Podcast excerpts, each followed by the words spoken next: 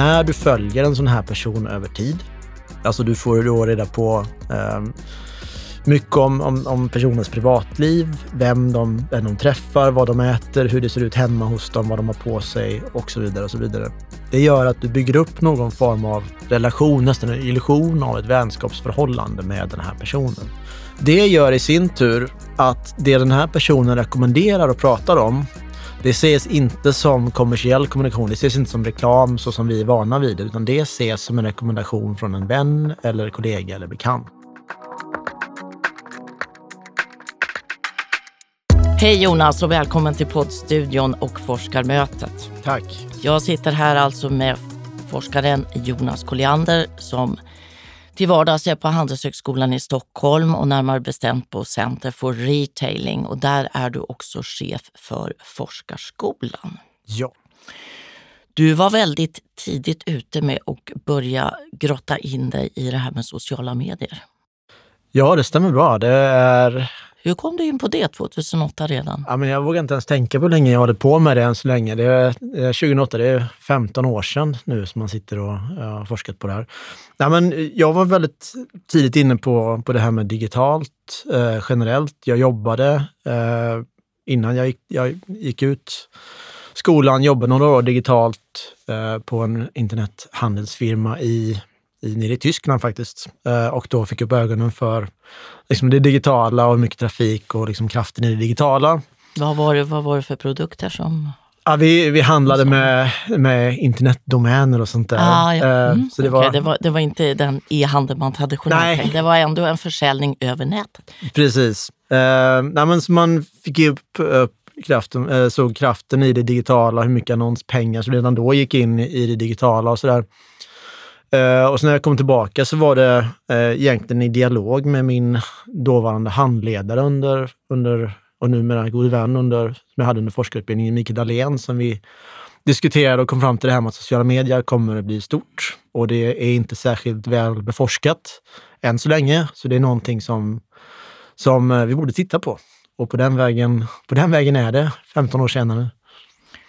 Och du tittar på sociala medier i första hand är koppling till marknadsföring, eller hur?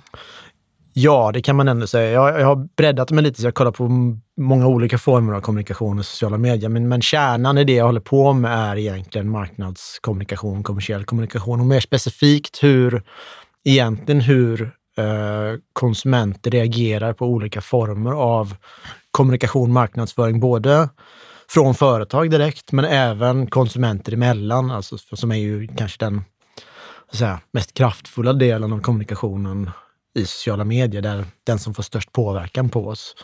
Men jag har även så att säga, eh, breddat mig lite. Jag har kollat på politisk kommunikation, desinformation. Eh, så att, men som sagt, kärnan är det kommersiella. Om man utifrån tänker på vad som har kunnat hänt från 2008 fram till nu så tänker jag denna flodvåg som finns idag, ja. som inte fanns då. Nej. Allt annat lika. Det, det fanns ju, man kan sätta i perspektiv, så bildades ju Facebook 2004, jag för mig det var, i ett studentrum på, i Massachusetts. Så det var ju, det var ju inte, det växte ju fort, men det var inte så gammalt då. Uh, innan dess fanns det liksom bloggar, forum, MySpace, de här sidorna fanns. Men det hade liksom inte inte eh, tagit fart riktigt än då, 2008. Och nu när man tittar på liksom, mediainvesteringen i sociala medier, det växer ju fortfarande.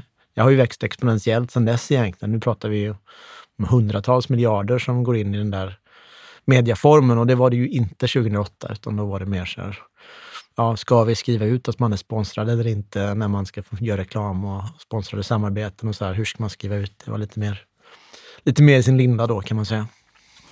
Du har ju varit ute och pratat ganska mycket kring din forskning om influencers. Mm. Och just nu när man nås av medierapporteringen så, så tycker jag att det känns som att det är många influencers som säger ah, jag lägger av, det var för krävande, ja. eh, jag går in i väggen. Är, är influencern död? Nej, influencern är långt ifrån död.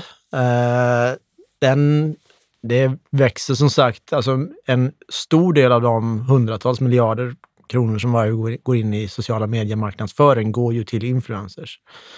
Så att den, den yrkesgruppen växer och, och den och frodas kan man säga. Um, däremot så, så det som har hänt inom influencersamhället, det blir ju mer och mer professionaliserat, mer och mer som, som andra typer av medier. Olika kategorier eh, av influencers ser vi börja kristalliseras tidigt. Olika mer kanske avancerade roller för influencers i företagssamarbeten snarare än att man, man går ut och och pratar om liksom att man bara lägger upp en bild och sponsrar ett inlägg så går man nu mycket mer in i, i designprocessen. Man blir delägare i företag som man, som man, man har egna produkter på ett helt annat sätt än vad man hade för några år sedan. Så att det, influensen är här i högsta grad levande. Um, och det kommer liksom kringtjänster, det kommer alltså, agenturerna för influencer växer, agent med egna agent. Alltså hela den där kringapparaten växer till liksom ett, en fullfjädrad medieform. Eh, man kan ju förledas att tro ibland när det är en person som frontar att det, det är en person som gör allt själv. Men många gånger är det ju en stab ja. av medarbetare. Det är ju, eh, det är ju, står ju ofta många personer bakom och det finns ju även virtuella influencers numera som är liksom, eh, digitalt skapade eh, personer. Som det är, är inte, en... inte bara den här boxer, boxerkillen? Nej, långt ifrån. Det, finns, det växer ganska, ganska mycket det också. Där är det ju ett, ett, en, liksom ett produktteam som är bakom som skapar det här som sen kanaliseras genom en, en påhittad virtuell influencer. Har det slagit i Sverige? Finns det något sånt? Det finns ju i Sverige, men det är inte lika stort som på USA. Lill Michaela och, och de här som finns i USA har ju miljontals följare uh, och det är, finns ju inte på samma sätt i Sverige än så länge. Slipper den där härligt och jobbiga, spretiga personen som kan ja, göra bort sig ja. och styr, styra budskapet helt, eller? Ja, de, de, de ringer inte sin PT efter att de gjort tveksamma saker som ingen nämnd. Men, men eh, ja, det är en, en, eh, man har en högre grad av, av kontroll över... Alltså det, är ju, det är ju väldigt professionaliserat vad de här personerna ska säga. Så där. Samtidigt då som man förlorar den här personliga touchen i många fall som, som är en stor anledning till varför influencers fungerar så bra. Även om det finns en hel del som visar, forskning som visar på att de här mer, eh, så att säga, lifelike, vad är det svenska uttrycket? Eh, som är människor som är... Eller, På riktigt? Ja, som, som verkar, som är lika riktiga människor. De, de har, trott eller ej, man bygger upp någon form av relation med dem också ofta. Men... Eh, Men du, du menar finns... du alltså... Nu, nu backar vi här. Ja, förlåt. Eh, eh, jag återkommer för att du, du kommer in på det här med att det är psykologi. Vem tror man på? Mm. Och det vet jag att du och jag pratade om innan. Det får inte bli för stort och massivt så att det känns som en, även om det är det, men det får inte riktigt kännas som en fabrik. Nej. Och det är kanske också yngre som är väldigt vana vid det här är extra känsliga för. Kan det vara så?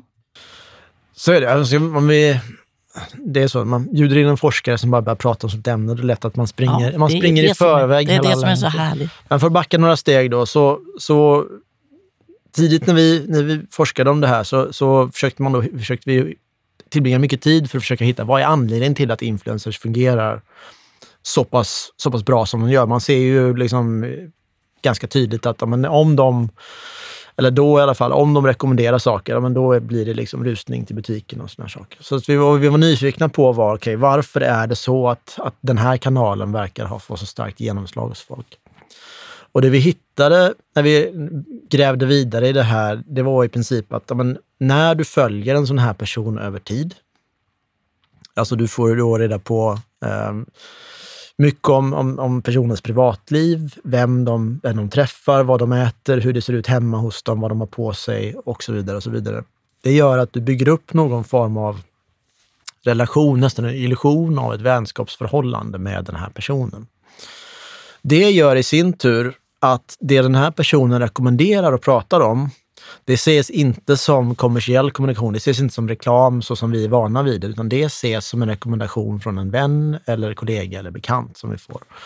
Och det är det jag pratade om innan det här med att, att liksom den kommunikationen mellan individer, det som kallas för word of mouth på, på forskarspråk, alltså mun, mun, mun, mun mun kommunikation. Liksom det är ju den äldsta och fortfarande mest kraftfulla formen av marknadsföring. Det sägs att ungefär 80 procent av alla köp vi gör är på något sätt influerade av människor i vår närhet.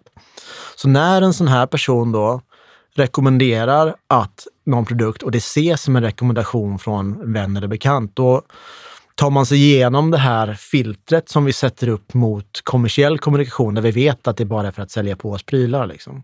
Så det är vi mycket mer benägna att ta till oss och agera på den typen av kommunikation. Så garden är lite nere där? Precis.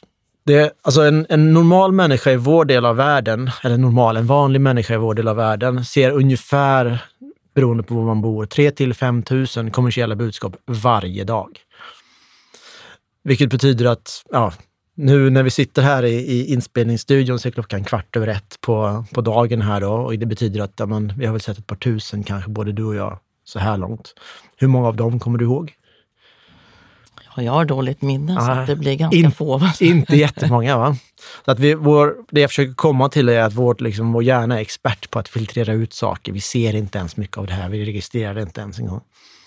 Och det gör då att liksom, det som kan tränga igenom det här bruset är ju väldigt effektivt potentiellt sett och rekommendationer från vänner och bekanta som vi litar på i högre utsträckning än kommersiella eller andra kommersiella budskap. Det har mycket större möjlighet att tränga igenom det här bruset. Samtidigt som man är lite känslig för då att det, ja. får, det får inte bli det får inte bli för, vad ska man säga, storskaligt? Nej, alltså det, det har ju visat sig att liksom när influencers växer och blir de här jättestora mega-influencer, då, då tenderar liksom genomslaget per, per kontakt eller per mot den individuella svagare. följaren att bli svagare. Ja. Det kompenserar sig i och för sig till viss del med tanke på att de har så många då. Men det som forskningen har visat är att det är de här eh, säga, nischade människorna med rätt antal följare som är liksom halvstora. De är stora nog för att ha trovärdigheten och veta vad de håller på med samtidigt som de är små nog att, att liksom kännas genuina. Där någonstans är liksom sweet spoten genomslagsmässigt per kontakt kan man säga. Det som vi kallar för mikroinfluencers eh, egentligen. Så det är de som verkar vara, eh, som har man sett i studier, det är de som får liksom det största genomslaget per kontakt. Har det forskats någonting på om det spelar roll om det görs på modersmålet eller inte? Jag menar, du, som, vi, som du sa, vi, vi är bra på engelska och liksom tar till oss massor där och ibland kan det ju vara en fördel kanske att höra någonting på engelska för det låter lite slick och fint. Ja. Eh, jag har inte kommit, kan inte påminna mig just nu om någonting som jag kollat på språk och modersmål och sådär. Men, men man tänker rent rent krasst då, ju lättare det är att förstå, lätt, alltså det är ju det är en språkbarriär som i alla andra medier. Så har man lättare eller svårare att ta till sig kommunikationen så är det såklart en, en, en eh, Det finns ju en, en fördel, psykologisk, liksom. känslomässig ja. bit, bit i språket också. Precis, men det, har, det är mer min, min känsla, en klassisk killgissning snarare än mm. kanske att jag har sett forskning på det. Men eh, jag skulle gissa att det finns en sån effekt i samspelet mellan då eh, sociala medier-influensen och det bakomliggande företaget, vad är det som kan eh, ge gnisselpunkter där? Ja, det är ju ganska mycket som kan ge, om man tänker, det är nästan som en, som en klassisk B2B-relation egentligen, nu för tiden i alla fall, när det är så pass professionaliserat. Men det som vi tittat på liksom rent eh, i forskningen som jag kanske har bäst koll på där, det, det, finns ju en miljard olika saker som kan skära sig i en affärsrelation såklart. Men rent effekt, det som, om man tänker på, på effekten i, i liksom kommunikationen, så är det man ser oftast är den här liksom, friheten att utforma kommunikationen så som influensen vill kontra det som företaget vill. Utan man har, försöker ofta som företag um, liksom kontrollera den bilden som, kom, som fram, framkommer av företaget i, i media. Medan då influensen å sin sida vet ju vad eh, ofta de, de känner ju sina följare och vet, känner sin publik på ett sätt, så de vet ungefär hur det här ska framas. För att och få... de har sitt eget varumärke som ja, de vill hålla precis. hårt på. Också. Så den, mm -hmm. den graden av det, liksom formell kontroll i, i hur budskapet ska utformas mellan företag och influencers, det är oftast där man ser att det, det liksom skär sig i liksom effekten av kommunikationen. Man brukar kalla liksom att jag brukar säga att man ska försöka ge influensen inom så stor frihet som möjligt inom vissa ramar, det som man sätter upp. Liksom, och inom de ramarna så ska man försöka ge så, så, så liksom ganska breda ramar egentligen. Eh, så mycket frihet som möjligt i, i utformningen av budskapen. Så det är ju liksom, för att det här med, med trovärdigheten är ju, jag pratade om den här, det här psykologiska bandet mellan, mellan influenser och och följarna. Och det, det finns där, men det, är liksom, det finns en annan sak som ligger och skvalpar i bakgrunden här och det är den här trovärdigheten, att det ska kännas äkta, det som görs också. För att det har vi också kollat på att, att den här bandet mellan följare och influencers, den finns där under förutsättning att det som kommuniceras känns äkta och genuint. Och om det inte gör det, då får det dels ingen effekt och i många fall så kan det till och med få en, en negativ effekt. För att man ser, man ser det som att liksom, ett företag går in och förstör mina sociala mediekanaler genom att liksom, göra såna här göra irrelevant kommunikation här. Det är, dels blir det så när det inte känns genuint och dels blir det så när man har valt liksom en influencer som inte passar ihop med produkterna. Så det är, det är konstigt om en influencer som håller på med en grej helt plötsligt gör reklam för någonting helt annat som inte passar ihop, passar in på den kanalen. Och vi har ju sett här nu i hyfsad närtid när influencers backar med buller och bång. Det här blev inte vad jag hade tänkt, det känns Nej. inte rätt. Och då slår ju det ganska hårt, skulle jag gissa, mot båda två faktiskt. Främst slår det faktiskt mot företagen har vi sett. Eh, man har ganska förlåtande mot, eh, mot influencers, men det, men det är liksom, samlar man på sig tillräckligt många sådana där över tid så har vi sett att det, liksom, det kan få en, en negativ effekt på influencers. Men, men de är, det är ju någon, som sagt någon form av vänskapsrelation då som är beskrivet. Så man är ganska förlåtande upp till en viss gräns, har vi sett. Man tror ofta, eh, det finns ett klassiskt sån här bias, alltså en, en, en föreställning hos, hos, eh, hos eh, följare att, att, att man, man överskattar ofta eh, influencers personliga preferenser. Det vill säga att man, man tror ganska länge att man marknadsför någonting för att man trots allt ändå tycker det är ganska bra liksom, och underskattar det faktum att man får betalt, att det finns kommers i bakgrunden där, upp till en viss gräns. Och gör man det för många gånger eller för, för tydligt, liksom, då kan det sparka bakut, även på influencers. Men oftast är det faktiskt varumärkena som, som drabbas av det där, snarare än influencern.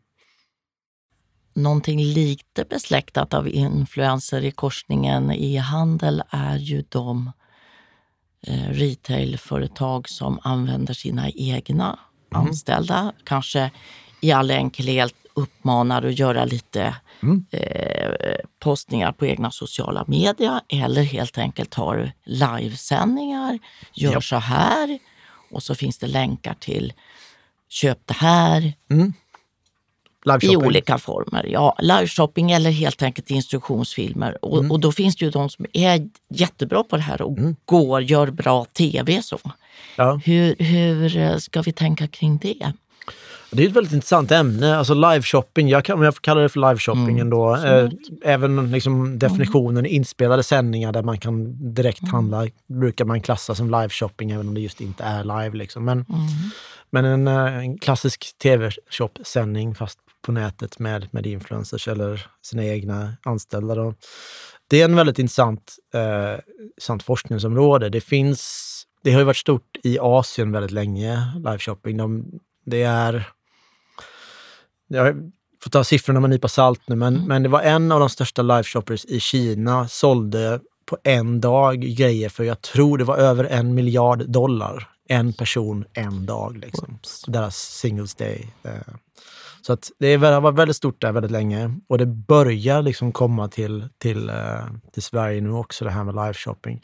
Det finns inte jättemycket gjort i liksom en, en europeisk slash amerikansk kontext än så länge, hur det där fungerar på bästa sätt. Men om man ska översätta det som, som, som vi vet från liksom influencerforskningen och dra lite så att säga, utbildade gissningar eller mm. välgrundade gissningar där, så är det ju också den här eh, trovärdigheten extremt viktig. Att man fram, framstår som att man tror på det man själv gör. Att man tror man verkligen tycker att de här grejerna som man, som man marknadsför är, relevanta, bra, eh, kan gynna eh, tittarna. Det vi sett när vi intervjuat folk så är också det här liksom, det personliga, att man börjar att försöka dra in och prata med, med, med tittarna i de här sändningarna. Inte direkt gå till att kränga prylar utan bygger upp någon form av förhållande relation med dem innan, innan man går in på det där direkt. Att man kurerar utbudet på ett bra sätt, det vill säga man ska inte sälja vad som helst. Det ska vara väl ur, ur, mm. utvalt, noga genomtänkt och liksom ska följa, det ska bli bra sändning just och att det ska finnas ett logiskt flow i det hela. Och vad vi ser också är ju att de har ju en chattfunktion i de här eh, sändningarna. Så den interaktiviteten med, mm. med de som tittar och skriver kommentarer är också extremt viktig. Att man tar sig tid, svarar på frågor, interagerar. För att de använder de där chattfunktionerna, de som tittar på det. De flesta skriver ju inte själva. Men man använder dem mm. som, ett, som en temperaturmätare på hur populär själva sändningen är. Alltså hur mycket interaktion som, som, som förekommer. Man använder dem som en, som en eh, temperaturmätare på hosten, det vill säga att man hur responsiv är den mm. personen, hur liksom social interagerar följarna. Och man använder de kommentarerna som en liksom, direktrecensioner av de produkterna som, som, eh, som säljs och som, som det pratas om där. Så det är ett, men som sagt, det är i sin linda det området fortfarande, men det finns en hel del som, som vi kommit fram till ändå. Som... Jag tänker, alltså det man pratar mycket om i marknadsföring, att, att uh, mottagarsidan har så kort uh, uppmärksamhets uh, attention span. Mm. Men det här med live shopping, det kan ju pågå hur länge som helst. Det kan det göra och det finns ju som sagt... Så det, är, ett, det är motsats där. Ja, men i kinesisk kontext så finns de här maratonsändningarna. Men det vi sett är att folk tröttnar efter ett tag. Mm. Så att det ska inte vara för långt. Eh, någonstans, liksom, och det här är en studie så vi kanske inte ska dra jättegenerella slutsatser, men när vi kollade på det här och intervjuade människor, eh, eller vi intervjuade, men jag ska, ska mm. shouta till min kollega Senja Lundiner, det är hon som har mm. intervjuat och jag som mm. har varit med på ett hörn här. Men då Um, hur mycket hon hade, du hade en siffra, hon hade gått igenom hur mycket som helst. Ja, det är mycket. Det, var, det är en annan studie. Som, okay. Men det, hon, hon gör mycket, har gjort mycket, mycket studier på det här också. Så hon är också väldigt kunnig inom det här området. Uh, men den här studien som, som genomförs då när vi kollade på människor, så någonstans efter liksom 20-25 minuter så börjar folk tröttna lite grann på, mm. på de här sändningarna. Så någonstans där verkar vara en sweet spot enligt de tidigare resultaten vi har fått i alla fall. Just det. Och nu tittar jag på mina anteckningar och då, då berättade du för att, att din kollega hade gått igenom 40 000 poster från influencers. Ja, det var en annan studie när vi tittade på de här, det jag pratade om innan, de här mm. olika rollerna som, som influencers mm. har och hur man samarbetar med företag. Så gick eh, Senja mest och jag lite grann igenom alltså live-datan som finns för att katalogisera det här. Och det var eh, 39 000 någonting poster ungefär. Så att, eh, det var ett styvt jobb. Vilka, sektor, vilka eh, retail-sektorer är det vanligast där man öppnar upp för influencers och påverkade? Jag gissar att det kan vara mode och mode, skor. Mode, skor. Hårsmink eh, kanske? Ja, det är där som majoriteten av, av forskningsstudien gjorts just för att det är det är det största mm. eh, liksom, området för där influencers verkar. Men det finns ju en hel del andra, andra områden också. Resor, mat, eh, teknik och sådana här som också är stora inom, inom det här fältet. Men mode och eh, mode, make och sådär är det absolut största än så länge. Så det är där som man gör en stor del av studierna. Just för att det är där som som forskare tittar man på var finns det mycket material att ta av? Var kan vi göra intressanta analyser? Och man går oftast till det fältet där, där det finns mest data. Och det är oftast, ofta mode. Men det finns, ska sägas också, mm, det finns ja. ju eh, intressanta influencers även inom fält som liksom religion, eh, liksom de, de typerna av frågor. Religion, ehm, eh, hbtq-frågor är också det finns många influencers inom det fältet också, så det, det är ett brett fält. Men de forskningsstudier vi Hälsa. Hälsa, precis. Hälsa, diet, ja. Mm. Där vi gör, där är det, man går ofta på de stora områdena. Desinformation. Mm. Det måste vi ju säga någonting om. Och då Ja. kanske vi är lite utanför handel. Ja. Behöver inte vara det alla gånger, men, men Man kan säga, Oftast. man är, inte- om man ska dra långa vägen in i handeln så är, påverkar det ju samhället i stort och Mm. Ja. samhället i stort, i sin samhällsklimat i stort påverkar ju också handeln. Så det finns ju en koppling även om den kanske inte är lika direkt.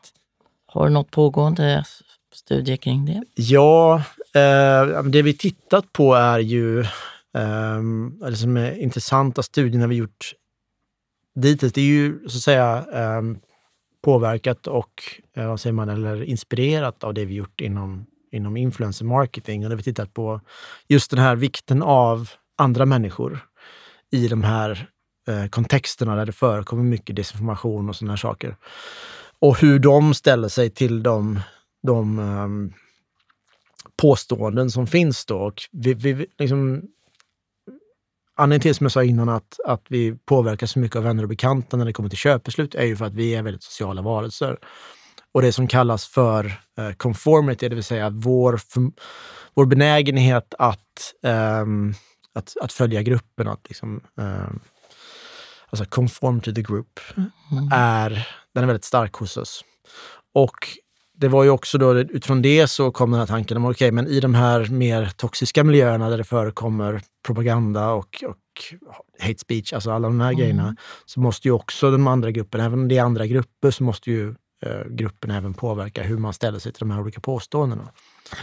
Och de studier vi genomförde då, där jämförde vi motmedel kan man säga mot desinformation. Man kollade på de här olika disclaimers som sociala medieföretagen har experimenterat med. Det vill säga man skriver att det här är, är eh, det här, de här påståendena har faktakollats och det stämmer inte och så vidare. De, de har man ju eh, laborerat med.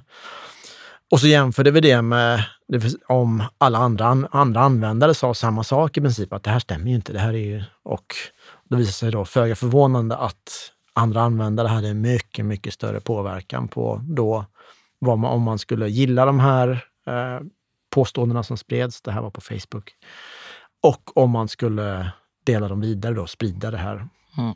Så att, att Facebook säger det här är inte verifierat eller det här är falskt, det spelar inte alls så stor roll. Det är Nej. viktigare vad, vad min grupp tycker. Ja, Och det grupp- skulle nästan kunna vara motsatt effekt också. Titta där, vi har rätt i vår Ja, men- konspirationsteori. Ja, men alltså det, det är ju, det finns ju tydliga sådana tecken på att om, om liksom sociala mediebolagen som man ofta eh, sammanlänkar med typ the deep state och sådana här vaga begrepp som man svänger sig med. Om de påstår någonting, då ser man det som en kanske bekräftelse för att nu försöker de tysta oss eh, åt det hållet. Liksom. Och det finns en annan intressant effekt där också som ska nämnas i sammanhanget. Det är ju att det finns så enormt mycket desinformation som sprids. Och det är bara en liten, liten del som, Märks upp. som Ja. faktakollarna eh, Mm. märker upp. Liksom. Och det finns en, ett kanadensiskt forskarlag som har gjort en intressant studie som visat på att om man märker upp vissa delar så får det en viss effekt av det som är uppmärkt.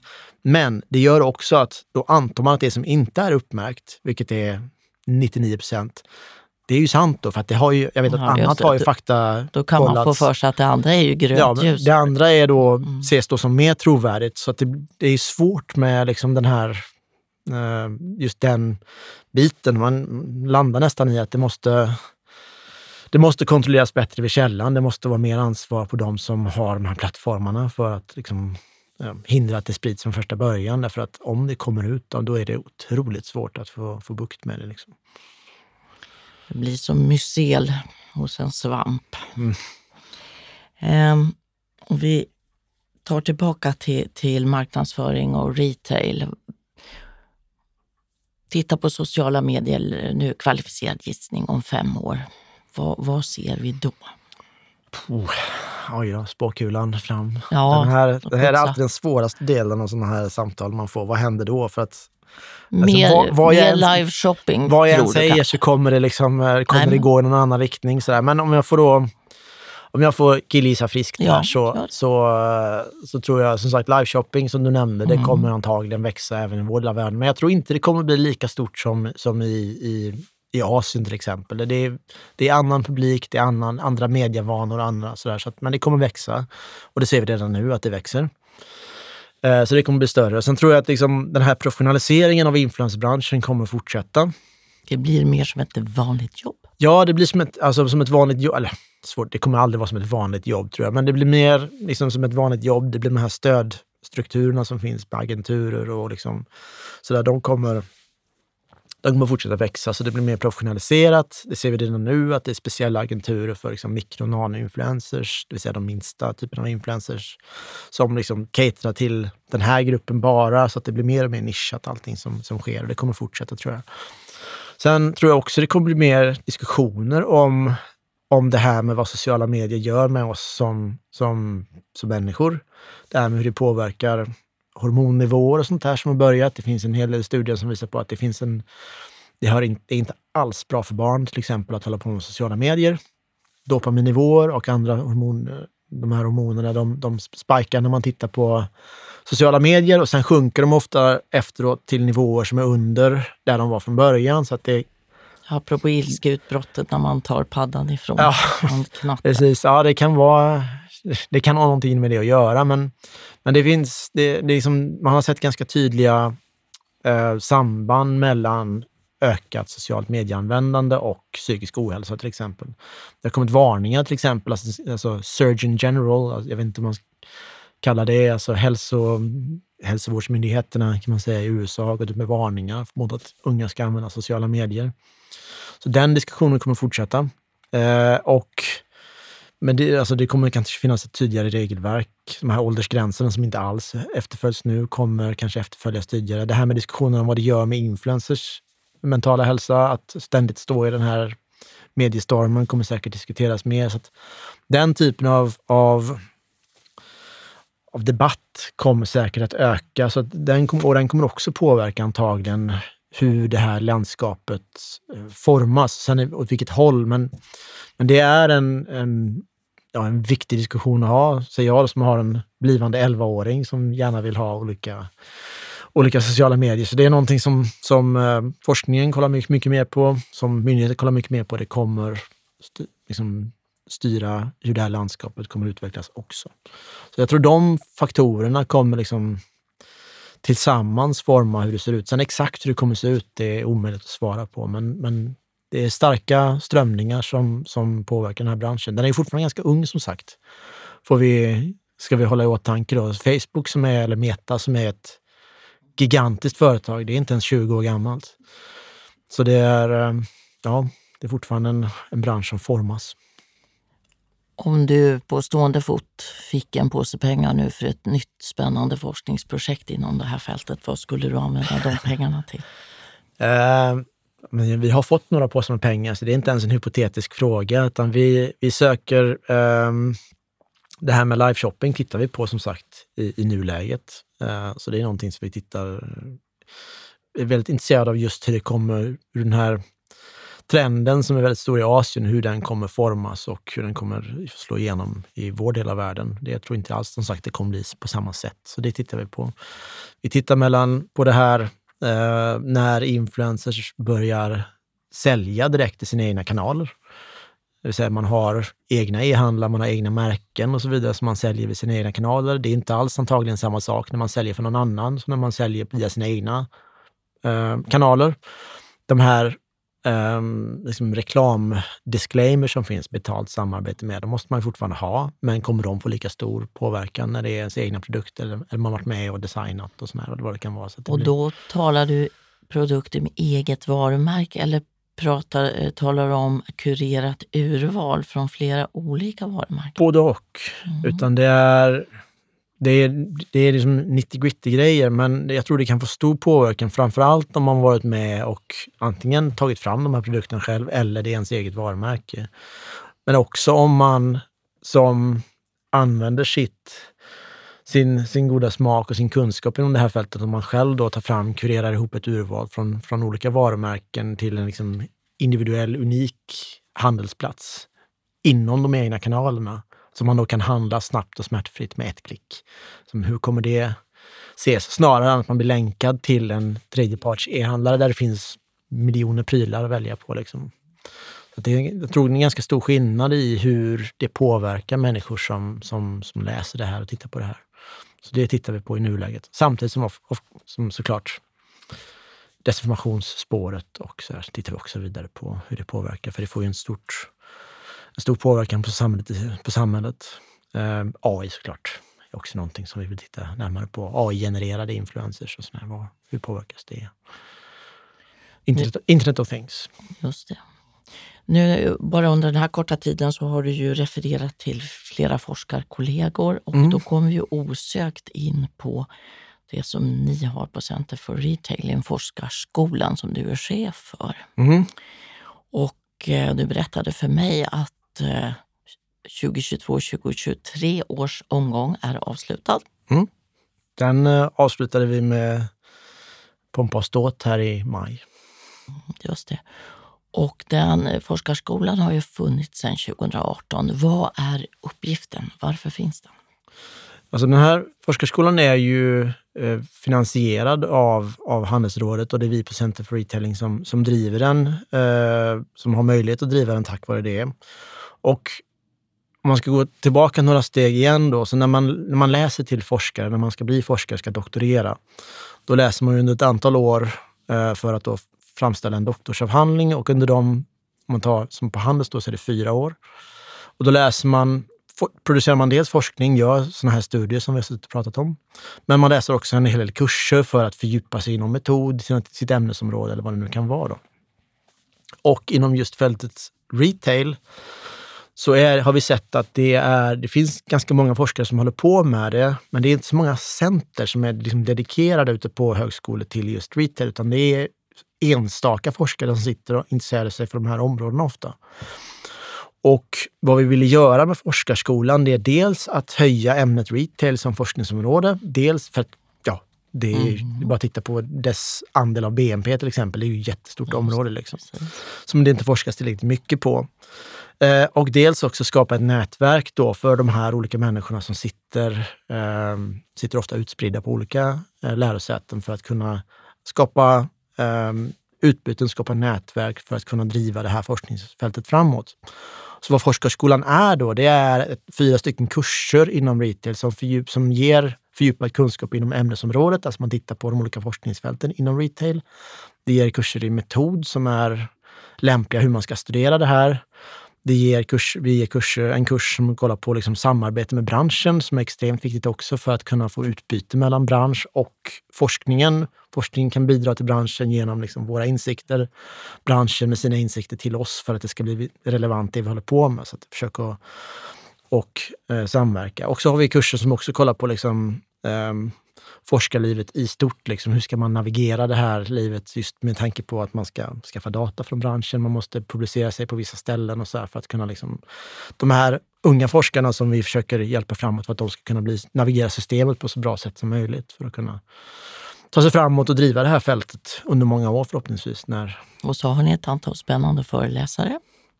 Det har vi. Vi har föreläsare från, vi har ju... Säg någon. Ja, vi har ju professorer David Farrow och Simona Botti till exempel från, från London Business School som har varit och, och föreläst och drivit på, ja. kurser mm. inom en metod som är väldigt framstående inom sitt fält som har varit och pratat. Men vi har också som sagt eh, en hel del um, praktiker som är inne och pratar på våra, på våra kurser. Just det. Hur upplever du intresset från branschen? Ja, men intresset är så här, det är, det är bra att man kan sitta här och prata också. Mm. Då. Intresset är väldigt mm. stort när de mm. väl får reda på vad, vad vi håller på mm. med. Eh, problem, problemet, men utmaningen är att sprida liksom, informationen om det vi håller på med till rätt människor i rätt organisationer mm. så att de, man ser att den här möjligheten finns. Just det, för eh, tiden är ju knapp för många. Så. Verkligen.